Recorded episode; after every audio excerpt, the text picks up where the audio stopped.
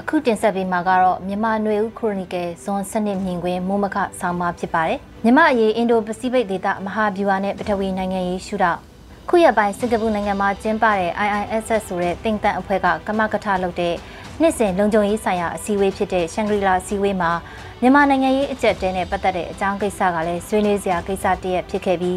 ကုလသမဂ္ဂရဲ့မြန်မာနိုင်ငံဆိုင်ရာအထူးကိုယ်စားလှယ်ရဲ့ဆွေးနွေးချက်နဲ့ထိုင်းအစိုးရရဲ့မြန်မာရေးအထူးကိုယ်စားလှယ်ရဲ့ဆွေးနွေးချက်တွေကသတင်းမီဒီယာတွေမှာသတင်းအဖြစ်ဖော်ပြကြတာတွေ့ရပါတယ်။ခုရက်ပိုင်းတွင်အမေရိကန်နိုင်ငံသားရေးဌာနရဲ့အတိုင်ပင်ခံရဲ့မှတ်ချက်ကလည်းမြန်မာအရေးနဲ့ပတ်သက်လို့အမေရိကန်ရဲ့မူဝါဒကိုထင်ဟပ်နေပြီးတရုတ်အမေရိကန်ရဲ့စစ်အင်အားမဟာမိတ်စုဖွဲ့မှုအခင်းအကျင်းဒေသရင်းလုံခြုံရေးတွေအပေါ်မူတည်ပြီးချမှတ်တဲ့မဟာဗျူဟာလို့ကောက်ချက်ချရမယ့်သဘောဖြစ်ပါတယ်။ အမေရိကန်နိုင်ငံသားရေးဌာနရဲ့အတိုင်ပင်ခံဒဲရစ်ချိုလက်ကမြန်မာစစ်တပ်အနေနဲ့ပြည်တွင်းကထွက်ပေါ်လာတဲ့ PDF လက်နက်ကင်တွေကိုအနိုင်တက်ခိုက်နိုင်တဲ့အခြေအနေမရှိဘူးဆိုတဲ့မှတ်ချက်နဲ့တပြိုင်နက်တည်းမှာပဲ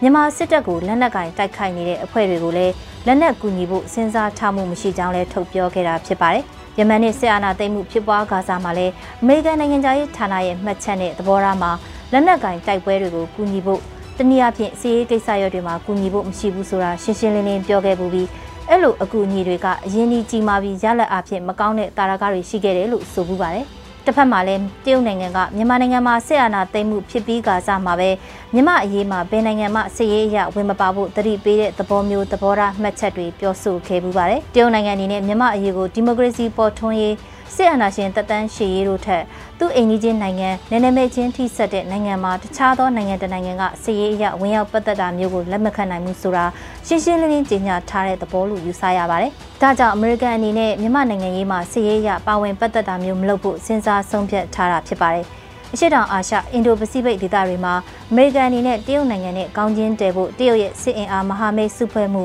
အခြေစိုက်စခန်းချမှုတွေကိုတားဆီးမယ်ဆိုတဲ့ရည်ရွယ်ချက်အတွက်ရင်ဆိုင်ရမယ့်နေရာအဖြစ် ထိုင်ဝမ်အရေးတောင်တရုတ်ပင်လယ်ပိုင်ဆိုင်မှုကိစ္စတွေစတာတွေနဲ့တင်လုံလောက်နေပြီဖြစ်ပြီးအခြားစီရေးစာချုပ်မဟာမိတ်အဖြစ်ဩဂတ်စ်လိုကွက်လိုအဖွဲ့တွေလည်းအင်အားကြီးနိုင်ငံတွေနဲ့အဖွဲ့အစည်းခင်းကျင်းထားပြီးဖြစ်ပါတယ်။ဒီမိုကရေစီစနစ်ကိုတံမိုးထားကြောင်းပြသဖို့ဒေသတွင်းမတည်မငြိမ်ဖြစ်မှုတွေများလာရင်အိမ်နီးချင်းနိုင်ငံတွေအဖို့ဝင်ပိုလာမယ့်အရေးမျှော်လင့်မထားတဲ့အကျိုးဆက်တွေရလဒ်တွေထွက်ပေါ်လာမှာကိုမလိုလားတဲ့စဉ်းစားမှုမျိုးသာရှိကောင်းရှိမယ်လို့ခန့်မှန်းရပါတယ်။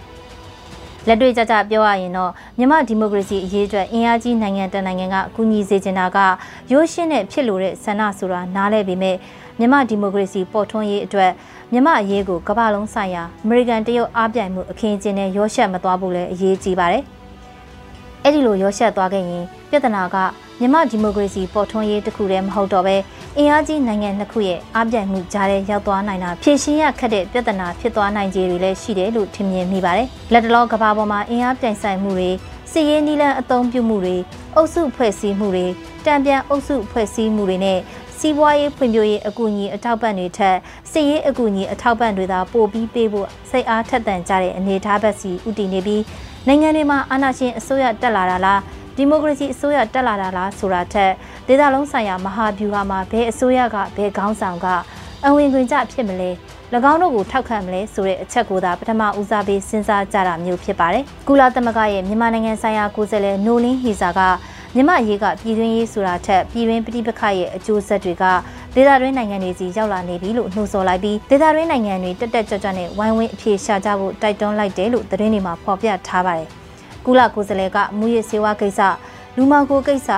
တရားမဝင်တစ်တင်ဖို့မှုစတာတွေထောက်ပြပြီးပြည်ရင်းမတည်ငြိမ်မှုပြဋိပက္ခကြောင့်အဆိုပါအကျိုးဆက်တွေကနည်းနည်းမြင့်အပြင်ဘက်ထိကြော်လွန်ရိုက်ခတ်လာနေပြီလို့လည်းဆိုပါတယ်ဒီရှန်ဂလီလာဆွေးနွေးပွဲမှာပဲထိုင်းနိုင်ငံကမကြခင်ကခန့်အပ်ခဲ့တဲ့မြမရေးကျွမ်းကျင်သူကိုယ်စားလှယ်ဖြစ်သူက